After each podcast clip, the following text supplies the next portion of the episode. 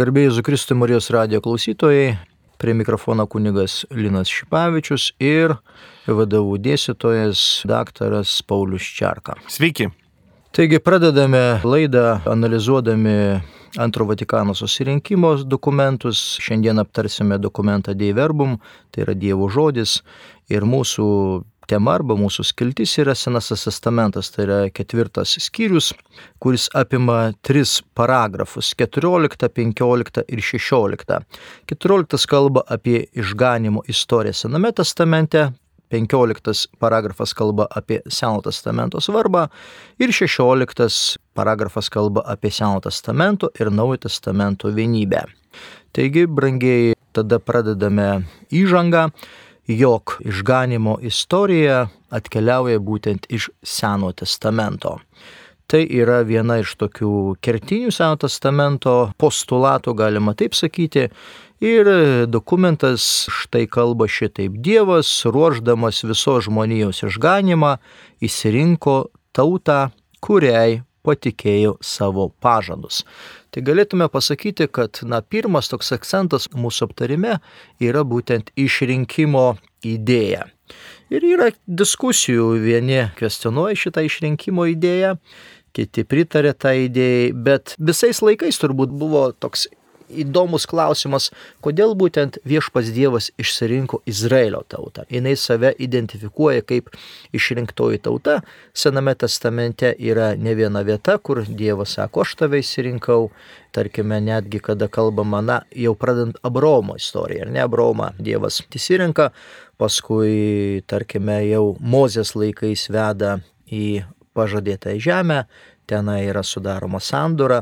Ir tas įsirinkimas, jisai turi tokius keletą elementų. Kada Dievas įsirenka tautą, ką jisai arba konkrečiai kalba su žmogumi, su Abromu, kas vyksta. Visų pirma, yra tam tikras pažadas, kad Dievas saugos tautą, Dievas apdovanos Abromo, pavyzdžiui, tai yra palikuonėmis, bus kaip jūros miltis tokios gausingos ir Dievas duoda apsaugą. Tokie trys dalykai. Dievas saugoja, Dievas yra su tuo žmogumi arba su ta tauta. Kas kalbant apie, tarkime, sandorą, tai tas dalykas, kad Dievas visada ištesi savo pažadą ir jisai niekada sandoros nesulaužo. Visada tie sulaužimai vyksta būtent iš žmonijos pusės. Dabartiniam klausytojui, kada mes klausomės Seno testamento istorijos, kad ir to pačio Bromo, kyla klausimas, na, Dievas iš tikrųjų laužo visus stereotipus ir jisai įsirenka, tarkime, ten Urhaldėjoje gyvenantį senyvo amžiaus žmogų. Kas įdomu, kad Seno testamento istorija remiasi vieno asmens tikėjimo patyrimu nes mes žinome, kad Abromas gyveno kitoje kultūroje, tai yra šumerų kultūra, kad santykis su dievystėmis buvo būtent šumerų ir štai apsireiškia na, tas nežinomas dievas, galima taip mes pasakyti, kuris na, pradeda rašyti išganimo istoriją. Nes išganimo istorija prasideda būtent nuo Abraomo istorijos. Ta, ta prieš istorija kur pradžios knyga pasako 11 skyrių, tai yra prieš istoriją, bendrai pasakojama istorija apie pasaulio sukūrimą, apie žmogaus sukūrimą, apie žmogaus gyvenimo tikslą, apie pirmąją nuodėmę, apie, sakykime, kalbų sumaišymą ir taip toliau ir taip toliau. O štai jau Abraomo istorija prasideda išganimo istorija. Tai mielas Pauliau, pradėjau tokią įžangą, gal kažką tai turi irgi papildyti ir mes bendrą tokią diskusiją bandysime šitą dokumentą aptarti. Taip, šiek tiek porą gal papildomų minčių, nes dažnai mums girdint apie išrinkimą susidaro galbūt stereotipinis supratimas, kad Dievas turi, tarytum, kažkokį numylėtinį, lepūnėlį, kažkokį tai ypatingom sąlygom apdovanotą asmenį. Ir mes labai jautriai išgirstam, jog atrodytų, jog jei Dievas išsirinko vieną tautą, tai jis atstumė kitas. Tačiau bibliniam pasakojime to tikrai nėra. Dievas išsirenka vieną tautą, bet dėl to, kad myli visas tautas. Ir tai ne privilegija, tai našta. Tai yra šeima, per kurią turėjo ateiti išganytojas, jinai turi būti paruošta tam tikrą prasme vietą išganytojui. Ir taigi tas išrinkimas yra labiau tvarkos klausimas negu išskirtinumo klausimas. Jau kuningas ir minėjo, pradžios knygoje mes sutinkame Abromo pašaukimą ir pirmie žodžiai yra tokie, kad per tave būtų palaimintos visos žemės giminės. Reiškia, tikslas yra visų žmonių palaiminimas, jis įsirinka vieną žmogų, vieną šeimą, tačiau mąstydamas apie visas. Taigi tai nėra privilegija, o greičiau yra našta, pareiga dėl visų tautų.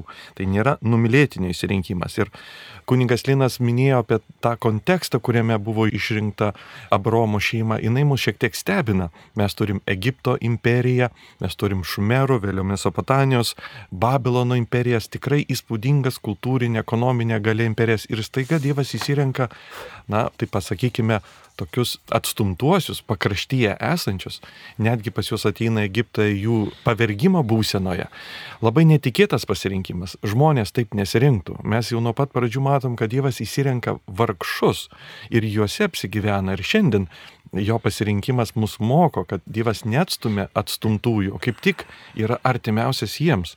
Kristus gimsta, galima pasakyti, pakrašty, Nazarete, paprastoj šeimoje.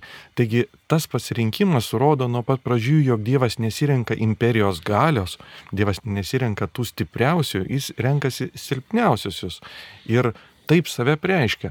Na ir vėliau mes girdime, kad ką padarėt vienam iš mažiausių, man padarėt toks pasirinkimo bruožas yra nuo pat pradžių. Pašaukdamas Abromais pasirenka silpnuosius, pakraštyje esančius, gal atstumtuosius ir yra su jais, bet mylėdamas visus. Tai šiuo atveju šis pasirinkimas mūsų turi to pamokyti.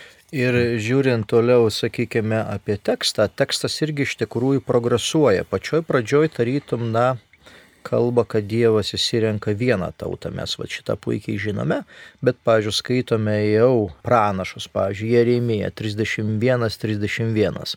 Tai ten jau kalba apie visų tautų universalizmą.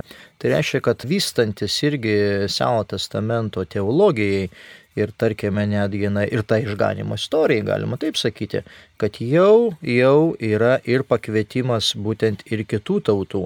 Ir pavyzdžiui, pasižiūrėkime, nebiški mes jau įlipsime ir į Naują Testamentą.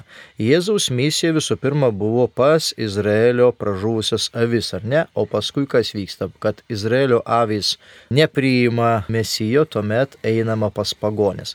Tai va šitas iš tikrųjų netgi reikia pasakyti, kad išrinktinumas tai nereiškia, kad jisai išskirtinis žmogus, bet kad jam yra duota labai svarbi misija - paskelbti Dievą kitų tautų tarpe ir aišku paliūdyti. Ir Izraeliui buvo labai sunku, nes visų pirma jie gyvena nomadinį gyvenimą, tai reiškia klajoklio gyvenimą. Paskui vėliau jie tik tai, kada įžengia į pažadėtą žemę, jie apsistoja, galima sakyti, sėslė, bet pačioj pradžioje yra nomadinis gyvenimo būdas ir tarkime, bet kokią sandorą, bet koks susitarimas su kita tauta, tai reiškia priimti kitos tautos religiją. Ir vat jiems buvo labai sunku priimti kitos tautos religiją, bet išlaikyti savo religijos identitetą. Na ir čia vyko tos visos irgi peripetijos. Dėl to ateina Izraelio gyvenimą tos nelaimės arba nelaisvės yra Sirijos nelaisvė, ir Babilonijos nelaisvė, ir Graikijos nelaisvė, ir Romos imperijos nelaisvė. Tai tarytum kaip toksai pedagoginis Dievo kalbėjimo būdas, kad jeigu jūs nusisukate nuo Dievo, nusisakote, sakykime, nuo tikrojo tikėjimo, tuomet jūs gaunate išbandymą. Ir va štai iš tikrųjų, kiek mes čia jau kalbame tų laidų, labai didelis skaičių. Sename testamente pati didžiausia nuodėmė tai yra būti stabmeldys. Tai reiškia nusigrėžimas nuo tikrojo Dievo ir stabų garbinimas. Taigi tautos misija 14 paragrafe kalba apie išganimo istoriją Sename testamente kad paskelbti tautų tarpę patį Dievą. Tai vad mes ką ir akcentavome. Ar mes dar turime į 14 paragrafą kažkokio papildymo? Galbūt galėtume paminėti apie, kaip toliau skaitome apie Sandaros Abromo ir Mozę ir padiskutuoti, kiek tai yra mitinės ar istorinės asmenybės, kaip dėrėtų mums vis tik tikėjime juos priimti. Na, niekas turbūt nekvisionuoja, sakykime, nei Abraomo istorinių asmenių, nei Mozės istorinių asmenių. Čia galbūt buvo tas XIX amžiaus toksai truputėlį judėjimas, kad visas šventas raštas tai yra mitinis žanras. Tie žmonės buvo tik tai aišku tam tikrų istorinių sąsajų, tam tikrų istorinių patvirtinimų turbūt randama ir kitose istoriniuose kronikose, ne tik tai Sename testamente, bet yra šalia esantys raštai, ypatingai apie Mozę, bet ir taip pat ir Abraomą, ar jisai kildinamas Abraomas kažkur tai 1750 metai prieš Kristų jo gyvavimo istorija, o Mozė kažkur tai yra 12-11 amžius prieš Kristų, įžengimas į pažėtą žemę kažkur tai 10 amžius kažkaip tai datuojamas prieš Kristų. Tai tos istorinės asmenybės buvo. Ir tarkime, netgi va ta išganimo istorija, kaip jinai nuostabiai rašosi, kad tarkime, na kaip žiūrint Mozė, jisai praėjo tą formaciją, taip mes galėtume pasakyti, Egipto dvare šalia faraono ir jisai buvo tas, kuris paskui davė akstiną tolimesniai išganimo istorijos veiksmui. Ir kas įdomiausia, Abraomas sudaro sandorą asmeniškai su Dievu, o štai pavyzdžiui, jau Mozė sudaro sandorą atstovaudamas tautą. Tai yra pirmoji sandora, kuomet sudaroma jau su visa tauta ir tai skaitome išeimų knygų 19 skyriuje, kur aprašomas tas toksai pasiruošimas ir toksai iškilmingas veikimas ant Senajaus kalno. Mozė eina su savo broliu Aronu ir ten su kitais lydimais, kur, kur įvyksta būtent tas Dievo sandor. Ir tekstas, aišku, kurį mes turime, dešimt Dievų sakymų, tai jisai būtent irgi ateina iš tos rytų kultūros, iš Hamurabio kodekso, ką mes irgi ne vieną kartą apie tai esame. Stilistika. Kalbėję. Na ir tam tikras turinys ateina, tik aišku, jau yra persiformavęs, nes, na, neįmanoma, kad, tarkime, Hamurabio kodeksas nebūtų persmelkęs ir Izraelio tautos. Kaip bendra kultūrinis taip, e, paveikslas. Taip, taip, taip. Tai iš tikrųjų, va, vienas iš argumentų, kodėl mes galim būti tikri, kad tai yra istorinės asmenybės, yra tie elementai, kurie šiandien yra jau istorijos mokslo patvirtinti ir būdingi būtent tam laikotarpiui. Viena iš jų reiškia stilistika, sandoros, kurie atspindi to meto tarptautinės sutartis ir teisinius kodeksus, vietovardžiai, ekonominiai vienetai, santykiai, upių pavadinimai, žmonių vardai, daugelis momentų, kurie, jeigu būtų visiškai sugalvoti vėliau, jie nebūtų tokie tikri ir, ir būtų nukrypę. Tai, tai yra vienas iš sakykime, argumentų, kad mes kalbame apie tikrus įvykius, nes jų tikroviškumas, suprantama, pats tekstas neįrodo, kad jie yra tikri, bet tekste sutinkami elementai, jie buvo būdingi tam laikotarpiui ir tai yra argumentas, kad greičiausiai, ir mes tikėjimu tai priemam, kad jie atsispyrė į tikrus įvykius. Nebūtinai jie yra tiksliai užrašyti, čia tas žanras biblistikos jis nėra toks griežtai istorinis, bet pastebėkit, kad dokumentas mus moko apie asmenų istoriškumą, ne tai, kad pats Biblijos tekstas yra griežtai istorinis. Kitas labai svarbus dalykas, kad tie asmenys jie dažnai minimi ir kitose knygose. Jeigu, sakykime, būtų tam tikra mitinė asmenybė, kuri, na, istoriškai galbūt nebuvo, tai galbūt ten paminėta ten vienoje knygoje arba vienoje lūtėje, bet tarkime, Abraomo asmuo arba ten Mozės asmuo tai jinai per visą Seną testamentą eina, paskui per Naują testamentą jisai Taip. pabrėžiamas ir ant jų yra statomas visas tikėjimo pagrindas. Tai kalbėti, kad tai yra, na tik tai išgalvota, sugalvota mitinė asmenybė tikrai būtų labai keista. Ir ką, tada keliaujam toliau, turime 15 paragrafą Senojo testamento svarba. Galima taip truputėlį čia irgi pacituoti, kad Seno testamento knygos pritaikyto žmonijos sąlygoms į Kristaus išganimo visiems parodė Dievo ir žmogaus pažinimo bei teisingojo ir gailestingojo Dievo bendravimo su žmonėmis būdus. Taigi, gal taip sutrumpinant, dar reikia pasakyti, kad Senasis testamentas pritaikyta žmonijos sąlygoms parodyti Dievo ir žmogaus pažinimo bei teisingo ir gailestingo Dievo bendravimo su žmonėmis būdus. Vienas man iš karto ateina taip į galvą toksai būdas, atsimename, kada Izraelio tauta keliauja į pažaitą žemę ir šabo dieną rinko žabus, uždegti laužą, ten pasišilti ir pasidaryti valgyti. Ir tada ateina pas Mozę, sakykime, ten jau tie teisų savo, ką su tokiais daryti žmonėmis. Ir Mozė sako, užmėtyti juos akmenimis. Tai mūsų akimis tai yra nedidelis kažkoks nusikaltimas. Sulaužė šabą arba šabatą ir žmogus dirbo, jisai rinko malkas, kad pasišildyt valgyt ar kad susišildyt nuo šalčio. Bet to laikmečio žmogui kad parodyti tą šabo svarbumą, kad jisai yra, na, pats svarbiausias arba numeris vienas, tai netgi yra parodomas tas toksai didžiulis griežtumas. Tie tokie kalbėjimo būdai tuometiniam žmogui tai parodė Seno testamento kontekstualumą, galima taip pasakyti. Ką dar Paulių galėtume pridėti? Tai 15 skyriuje mes skaitome, gal ir paskaitysiu, kad Seno testamento išganimo tvarka buvo skirta parengti visą atpirkėjo Kristaus ir Mesijo karalystės ateimą, pranašiškai jį paskelbti ir įvairiais ženklais išreikšti. Seno testamento knygos dėl žmonių giminės būklės prieš Kristus atnaujinimo išganimo laikus visiems suteikė Dievo ir žmogaus pažinimą, bei parodo, kaip teisingas ir galestingas Dievas elgesi su žmonėmis. Nors tose knygose yra ir netobulų bei laikinų dalykų, jos atskleidžia tikrai dievišką pedagogiką. Jos išreiškia gyvą Dievo pojūtį, Jose slypi kilnus pamokymai apie Dievą, išganinga žmogaus gyvenimo išmintis ir įstabus maldos turtai. Pagaliau juose glūdi mūsų išganimo slėpinys, todėl krikščionis turi pamaldžiai priimti tas knygas. Ir čia turbūt būtų vienas iš tų pavyzdžių apie tuos netobulus ir laikinus dalykus. Jų galima ir turbūt rasti ir daugiau, pavyzdžiui, nuostatai apie vergovę, nuostatai apie skirybas, daugia patystę, ir kiti momentai, kurie išreikšti yra kaip dieviškos pedagogikos dalis. Dievas ateina pa žmogų ten, kur jis yra, į tą būvį, kurį Dievas įranda. Ir jis kalba su žmogumi tiek, kiek žmogus gali pakelti prakalba tomis kategorijomis arba Taip. tuo turiniu, ką, kaip kai žmogus gyvena, ta aplinka, sakykime. Taip. Jeigu tais laikais buvo vergovė kaip natūralus dalykas, netgi patys, pavyzdžiui, žmonės prasiskolydavo ir prasidėjo į vergovę, paskui ten būdavo jubiliejiniai metai, kuomet ta vergovė buvo dovanojama, tai buvo natūralus dalykas. Šiais laikais, aišku, tai būtų mums šiokia tokia anomalija.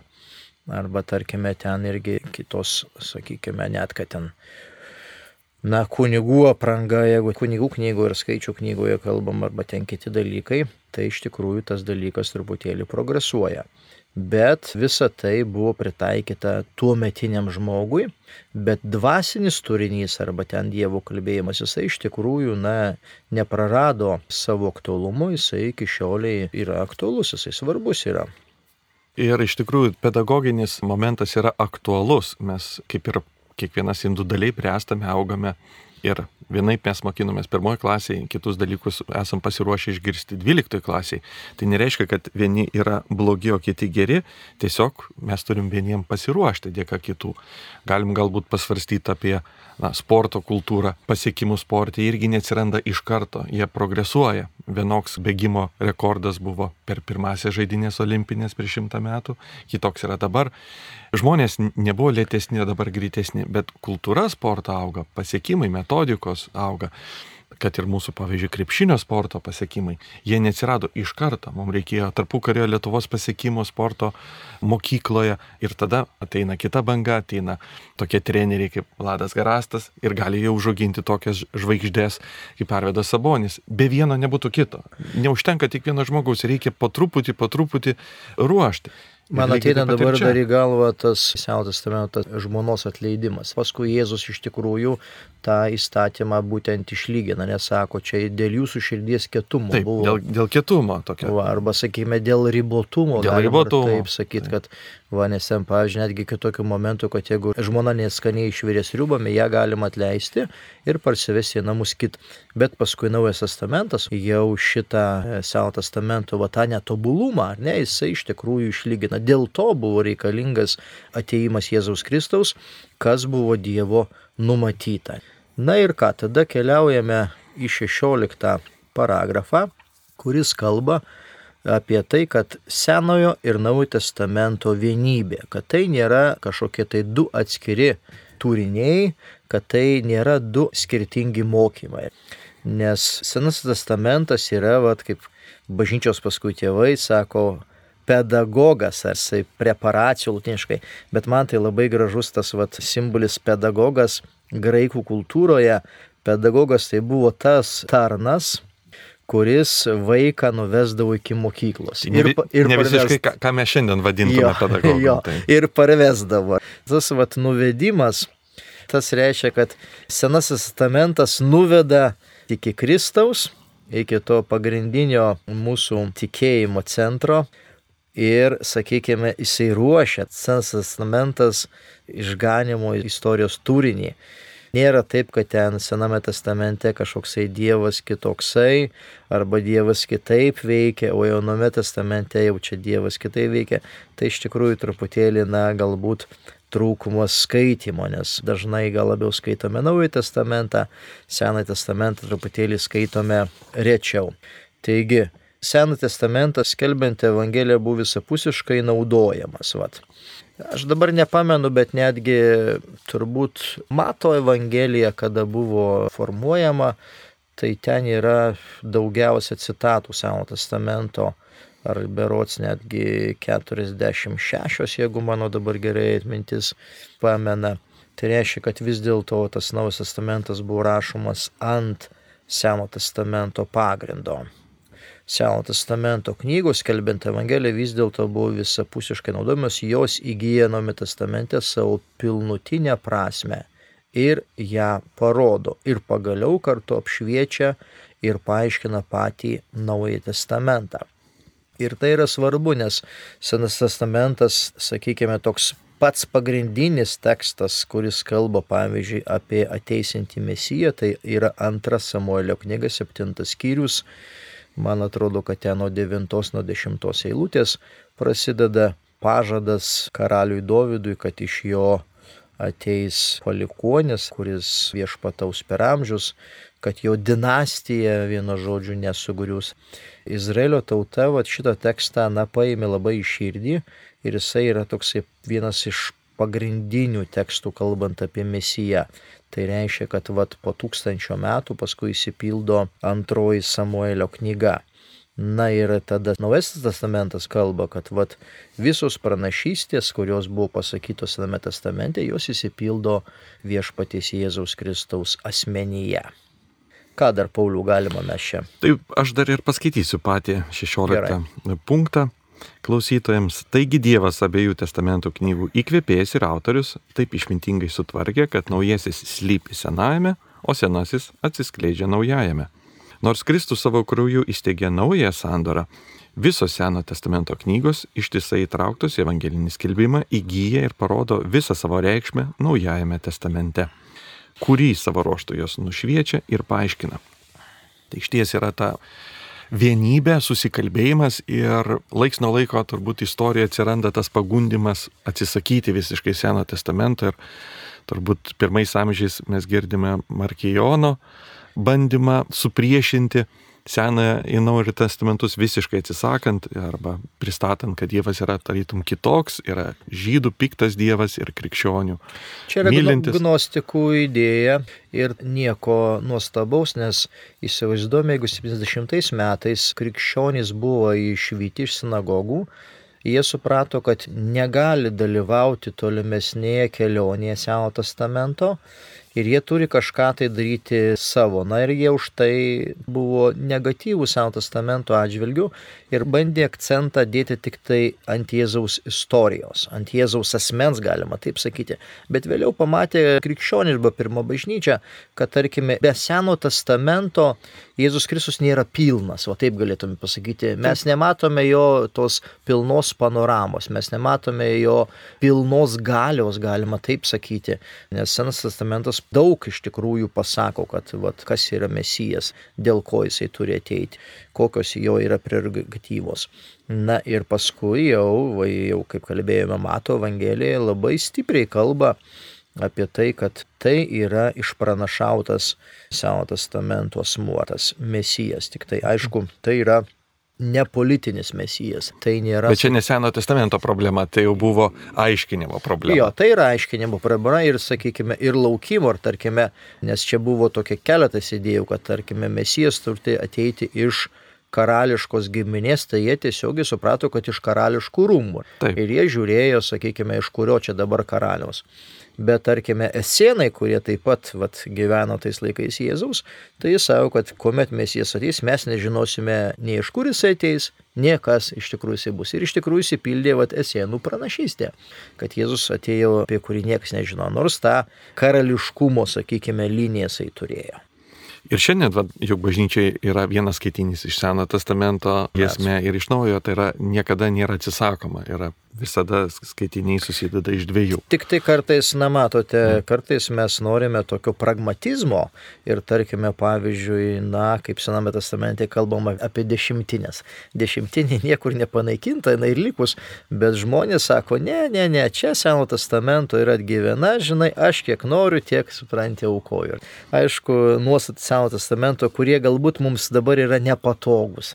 Ir dėl to, sakykime, mes sakome, kad galbūt mes labiau laikysimės Naujojo testamento, bet Seno testamento taip pat reikia laikytis, nes Jėzus sako, visus įsakymus, ką fariziejai jums moko, jūs laikykitės. Ne? Tik negyvenkite kaip Tik negyvenkite kaip fariziejai, ne? Gal toliau galima pakalbėti apie tai, kaip kitas naujasis lypi senajame, apie tą alegorinį, metaforinį kalbėjimą, kad bažnyčios tėvai ir apaštalas Paulius dažnai minėjo, kad egzistuoja tam tikra vat, alegorinis būdas išvelgti ne tik pranašystėje pačioje, bet ir pačiose įvykiuose tam tikrą na, simbolinį kalbėjimą.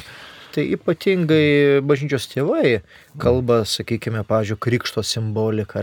Perėjimas per, perėjimas per Raudoną jūrą arba per Nendrių jūrą, ar ne? Ir, sakykime, ten...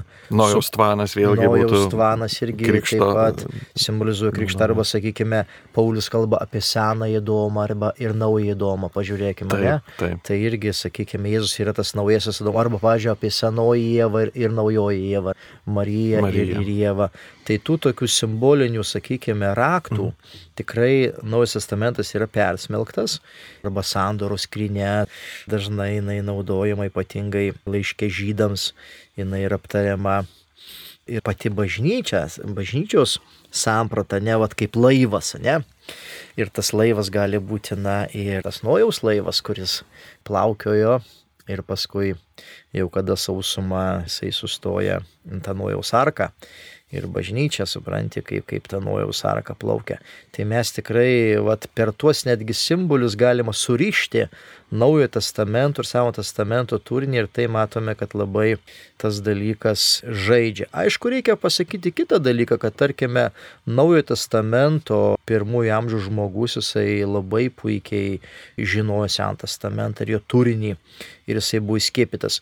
Bet galbūt dar reiktų truputėlį pakalbėti ir apie apokaliptiką. Nes apreiškimo knyga, jinai praktiškai susėmus viso Seno testamento simboliką. Viskas, kas taip, taip. yra prašoma apreiškimo knygoje.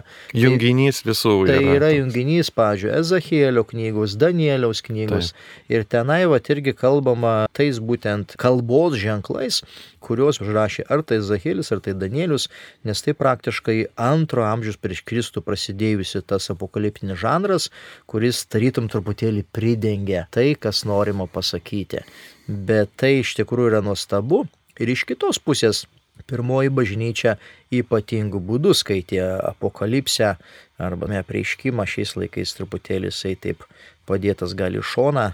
Mažiausiai yra komentarų, kiek pavyzdžiui, na, kiek aš stebiu, tai sakykime į Evangelijas arba ten į Paulius laiškus, tai yra daug dažniau yra leidžiami komentarai, už tai apreiškimą daug mažiau yra ir jinai tokia iš... Tokių, sunkiau komentuojama, sunkiau, pripažinkim, iš tikrųjų. Sunkiau galbūt, galbūt mažesnis yra susidomėjimas. Galbūt, na, tas, ta simbolika, bet jinai turi įdomius pastebėjimus ir, sakykime, vėlgi tas išrinkimo istorija ir pergalės istorija. Sename testamente va irgi yra ta pergalės istorija arba pasakojimas apie pergalę. Bet ir, pavyzdžiui, perimas per tą raudoną jūrą tai yra pergalė įžengimas į pažįtą žemę irgi yra pergalė. Bet kitas dalykas yra tas ir pasitikėjimas. O kodėl Mozė, pažiūrėjau, neįžengė į pažadytą žemę? Dėl to, kad vienu metu nepasitikėjo, vieną kartą, galima taip sakyti, nepasitikėjo viešpačių dievų, bet jisai matė pažadytą žemę, dievas vis dėlto gailestingas, ne? Parodė jam. Taip, bet tuo būdu vat, mums kalba jo asmeninis gyvenimas, mums kalba šiek tiek daugiau, nes Mozė simbolizuoja savyje ir tą savo epochą, Mozės įstatymą, jog jis parodo mums Evangelijos pažadus, bet į juos negali vesti mums reikalingas Kristaus asmuo. Tai šiuo atveju tai, kas Mozė įvyko, pranašiškai kalba mums, jog Mozės įstatymas tik gali paruošti ir parodyti, bet negali duoti tai, ką davė logos tapęs kūnu. Nes Jonas kalba, ar ne, kad per jį mes gavome malonę pamalonės, per Mozę mums buvo duotas įstatymas, bet per Jėzų atėjo malonė. Įstatymas tą malonę tik rodė, bet buvo nepajėgus jos duoti taip, kaip Mozė matė, bet neįėjo. O Kristuje mes matome ir įeiname. Ir kitas dalykas galima dar paklausti, kodėl išrinktoji tauta, jinai priėmė Seną testamentą, jinai, sakykime, gilinosi. Pavyzdžiui, po Bilonijos nelaisvės ne mes skaitome Esdro arba Nehemijo knygose, kad ten žmonės verkė klausydami Seną testamentą. Ir dabar, kodėl vat, į tą laikmetį netėjo Kristus? Dėl to, kad, na, žmonija dar nebuvo pasiruošusi, kaip laiškas Galatam, ketvirtas skyrius, ketvirtoji lūtė sako, kada atėjo laiko pilnatvė. Tada Dievas siuntė savo viengimį sūnų. Čia yra ta išganimo istorija ir tai yra Dievo pedagogė ir Dievo numatytas būdas, kad vad būtent tuo laikotarpiu, kad labiausiai buvo paruoštas ta dirba ateimui.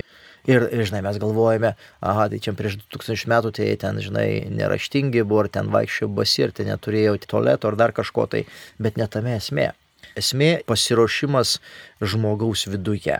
Mes taip galvojame, kad dabar mes čia technologijas turime, mes čia maistą gerą turime, bet netame esmė. Esmė tame, kad žmogaus, galima sakyti, atvirumą širdies į Dievo veikimą, į Dievo santykį.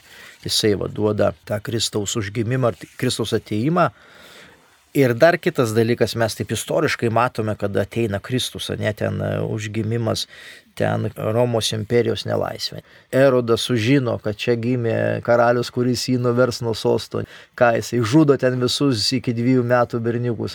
Tas istorinis tai labai yra žiaurus laikotarpis, ne, netgi galbūt žiauresnis, negu dabar pas mus kažkas tai vyksta ar ten Ukrainoje arba Palestinoje bet vis dėlto Dievas ateina į tą terpę, ateina į tą istorinį įvykį ir jis vis tiek suranda tos žmonės, kurie na, priima ir kurių širdis tikrai yra atvertos. Taip, jeigu taip nagrinėti tik politiškai, ekonomiškai, atrodo labai nelaikas buvo gimti tokiu metu, kažkoks kitas buvo palankesnis, bet kita vertus, ar buvo jau pribręsta Kristus gimimui? Taip, mergelė Marija, jinai irgi gimsta kaip tam tikro Izraelio tautos išdava, subrandintas vaisius. Jinai yra jau pasiruošusi auginti ir priimti Dievo žodį į savo kūną tam reikėjo laiko. Reiškia, mes randam Mariją, randam Juozapą, randam Elžbietą, randam tos pirmosius mokinius. Jie jo, neatsiranda iš, iš, jo, iš niekur, jie atsiranda kaip tam tikro viso Dievo pedagogikos rezultatas. Ir štai yra va tie žmonės, kurie ir subskristų, kurie jį augins, bus jo vaikystėje, jo, jo brandoje ir jie yra pirmieji jo mokiniai. Tam tikrų būdų, reiškia, nebūtinai na, techniškai mokiniai, bet, bet tam tikrą atpažinę jį.